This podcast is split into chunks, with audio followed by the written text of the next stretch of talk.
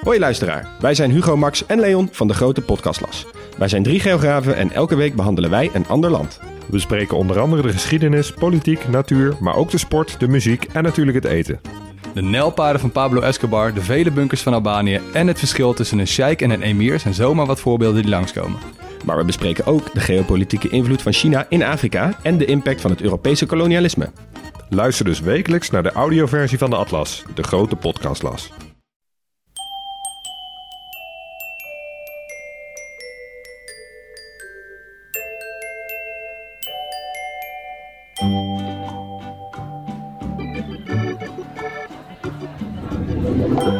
Welkom bij aflevering 378 van Echt Gebeurd. De podcast waarin mensen hun eigen waargebeurde verhalen vertellen, maar waarin ook af en toe iemand voorleest uit het dagboek dat hij of zij bijhield als puber.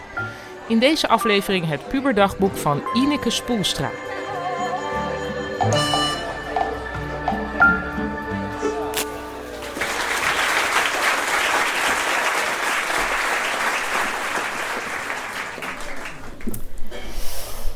Schreef toen zo klein.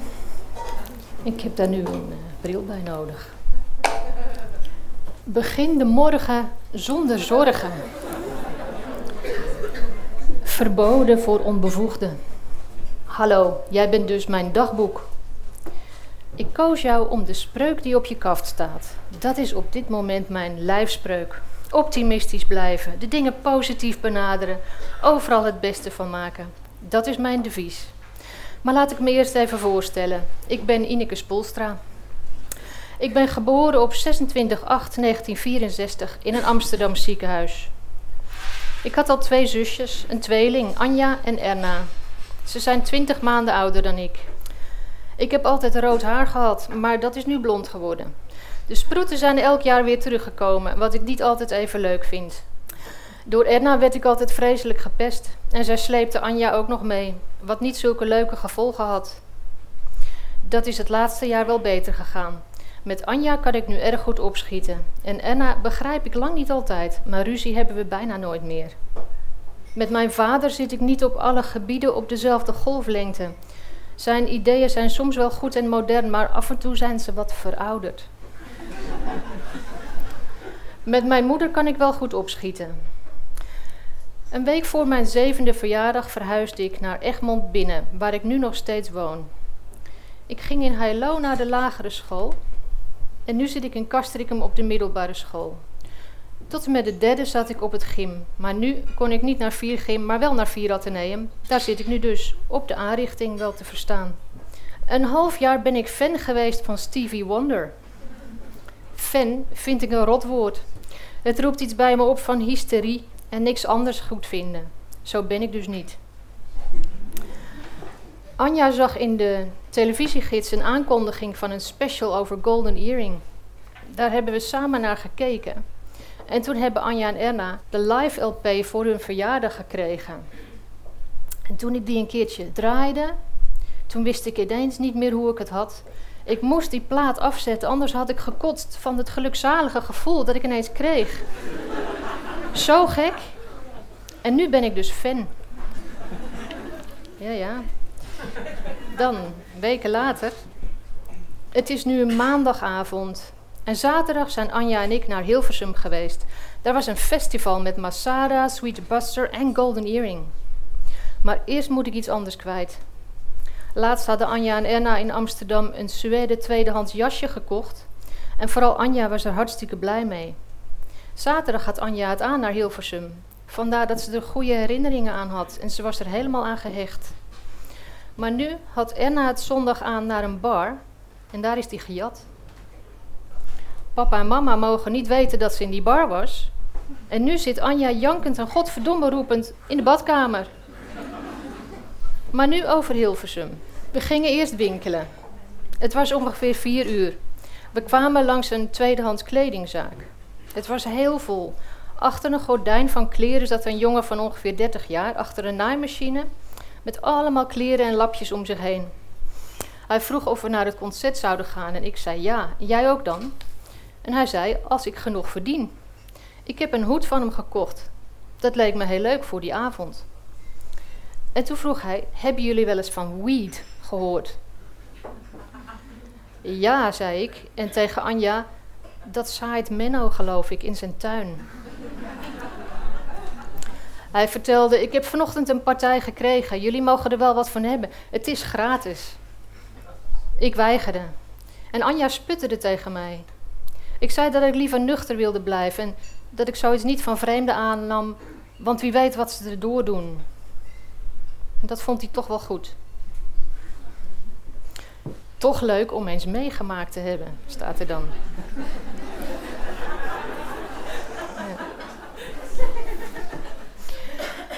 Weer een paar weken later, het is intussen november, ik ben dan uh, 15 jaar. Ik ben naar het strand in Bakkum geweest.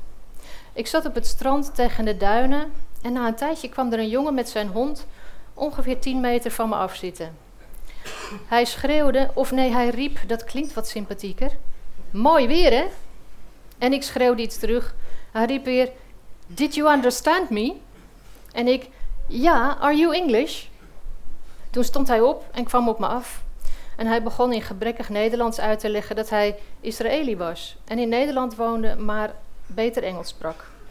En toen hebben we gezellig zitten kletsen. Hij in het Engels en ik antwoordde in het Nederlands en gooide er af en toe wat Engels door, want ik spreek het vrij aardig. Hij vertelde dat hij muzikant was en ik vroeg in welke band en hij zei in Solomon King Band. We hebben namen uitgewisseld en hij heette dus Solomon. En hij kon mijn achternaam niet uitspreken en ik de zijne niet. Hij vroeg naar mijn leeftijd en of ik een vriendje had. En hoe dat kwam dat ik er geen een had. How come you're a beautiful girl? Daar kon ik hem ook niet op antwoorden. Ik zei dat ik gewoon met jongens omging als vrienden en dat ik mezelf nog wat te jong vond. Ik vroeg naar zijn leeftijd en hij antwoordde dat ik weg zou rennen als ik het wist. Ik beloofde dat ik dat toch niet zou doen. En hij vertelde dat hij 31 was. Ik geloofde het haast niet. Hij zag eruit als 21. Hij heeft prachtige krullen. Hij gaf me zijn telefoonnummer. Hij hoefde mijn nummer niet, want, zei hij, Your mother will be so shocked when a boy of 31 asks for her daughter of 15 years old. Hij hoopte me echt weer een keer te zien. You know, just to be friends. Hij woont vlakbij school. Uh, bijna een week later heb ik hem uh, opgebeld en ik vroeg waarom hij in Nederland was. En hij zei: In Israël kan ik geen LP maken en die kan ik hier wel opnemen. En hij vroeg of ik die plaat zou kopen als hij uit zou komen. En ik antwoordde natuurlijk. En hij zei dat ik dat niet zou hoeven doen, omdat hij hem aan mij zou geven. Het is gek, toen ik dit opschreef, voelde ik me een beetje schuldig of zo. Waarom weet ik ook niet. Hij schijnt me echt heel beautiful te vinden. Wat ik ook al niet snap. Hoewel, echt lelijk ben ik niet meer. Er valt wel wat van te maken als ik mijn haar net gewassen heb. En als ik er uitgeslapen uitzie. In feite zegt hij doorlopend vlijende dingen over me. Ik vraag me af of hij dat allemaal meent. Ik zal ook eens iets aardigs tegen hem zeggen, hoewel ik daar een beetje moeite mee heb altijd. Hij vroeg me of ik een keer naar zijn huis kwam. Dat heb ik maar een beetje afgehouden, want ik weet helemaal niet of ik hem wel kan vertrouwen. Daar ben ik nog steeds niet helemaal zeker van. Weer een week later. Ik had zondag met hem afgesproken op het strand van Egmond. Ik had uh, van de vriendin van Erna gehoord dat hij uh, gescheiden was van een Nederlandse vrouw, onlangs pas. Eigenlijk had ik wel vermoed dat hij getrouwd geweest was. En over dat laatste heb ik het dus gehad, zonder te zeggen dat ik dat van die vriendin van Erna had gehoord. Daar verbaasde hij zich nogal over. En ik heb het vrouwelijke intuïtie genoemd. Ik hoop dat hij het gelooft. Ik ga nu naar de wc om te bedenken hoe ik het volgende op moet schrijven. We zaten dus op het strand en ineens kwam hij met zijn hoofd op me af, want hij zei: Er zit iets zwarts op je tand. Toen dat er af was, zaten we weer even te praten over het huwelijk. Maar even later kwam hij weer zo op me af. En ik ging dus als een soort schrikreactie weer naar achter en vroeg wat er was. En nu wordt het pijnlijk. Het bleek dat hij in een opwelling me had willen kussen. En omdat ik toen ook niet meer wist wat ik moest zeggen of doen, zei ik dat ik dacht dat we niets meer dan vrienden zouden zijn. En dat ik dat er niet bij vond horen. En dat hij volwassen was en ik niet. En dat we dus voorlopig niets meer konden hebben dan alleen vriendschap. En dat het niets te maken had met het verschil in leeftijd, als wel het verschil in mentaliteit.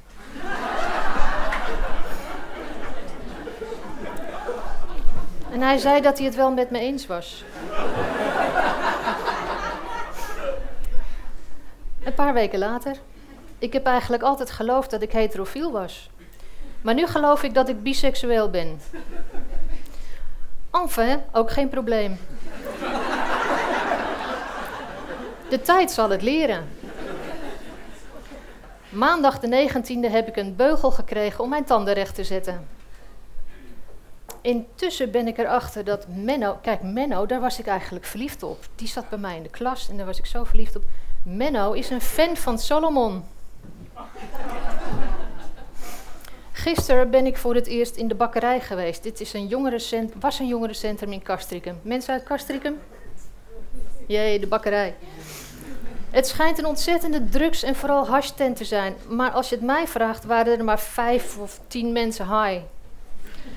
Menno was er met zijn vriendin Angelique. En hij zag me, hiep hoi. En toen hij langs me heen liep, zei hij heel hard hoi. En ik zei hey. Leuk hè? Maar ja, daarna ging hij Angelique weer aflebberen. Ondertussen had ik in de gaten gekregen dat Salomon naar me stond te kijken op ongeveer vier meter afstand. Hij had het kennelijk over me, want de jongens van zijn band, geloof ik, die bij hem stonden, keken ook nogal. We begroeten elkaar en hij vroeg: How are you? Daar begint hij altijd mee. En ik antwoordde: Prima hoor, maar ik zoek iemand, dus ik moet weer gaan. Bye. Hij was wel de laatste die ik daartegen wilde komen. Uh, een paar maanden later. Even iets tussendoor. Een loze kreet. Ik ben links en links zijn is leuk. Ziezo, tot die ontdekking begin ik steeds meer te komen. Toch ben ik de laatste tijd ook steeds meer bezig met het geloof. Maar ik denk, als Jezus nog op aarde was, dan was hij ook links.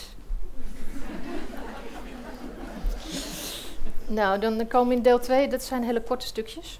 En dan begin ik met de opmerking: ik houd mezelf voor de gek, zelfs als ik hierin schrijf.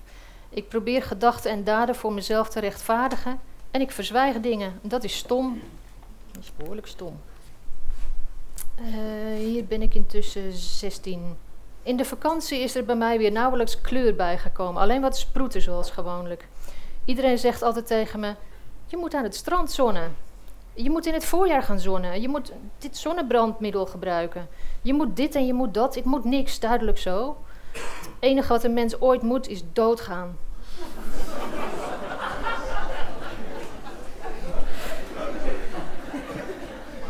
Alleen die helwitte benen vind ik vervelend. Dat staat echt ongezond. Maar die competitie elk jaar, wie ziet het bruinst? kan me geen reet schelen. Uh, ja, dan ben ik inmiddels uh, eh, 16,5. Een tijd geleden moest ik niet aan verkering denken, ook al was ik verliefd. Zo was ik op mijn vrijheid gesteld. en nu, raad eens, heb ik verkering met René. We hebben het altijd heel gezellig en zo, zonder dat we moeilijk hoeven te doen. Zowel René als ik zijn enorm op onze vrijheid gesteld. En daarbij staan we elkaar niet in de weg. Uh, ik sla een stukje over. Tussen René en mij waren vrijdag ook wat minder leuke dingen. Zo ontdekte ik langzamerhand dat hij veel drugs gebruikte. Vrijdag had hij speed gesnoven. Hij deed heel anders, afstandelijk, zelfverzekerd en eigenwijs. Niet zo leuk dus. Dat hij behoorlijk blode en ook wel tripte, wist ik wel. Gisteravond zei hij gelukkig dat hij voorlopig een tijdje niks meer zou gebruiken. Hij was vreselijk depressief de laatste tijd at bijna niks meer en sliep nauwelijks. Ook zijn werk, of tenminste het studiegedeelte ervan, ziet hij niet meer zitten. Bovendien had hij nogal wat kwaaltjes en zo. Gisteren heeft hij besloten weer thuis te gaan wonen. Ook zei hij gisteren dat hij het leven voortaan nuchter zou bekijken. Wel positief, geloof ik allemaal. eh, ja, hier ga ik afsluiten.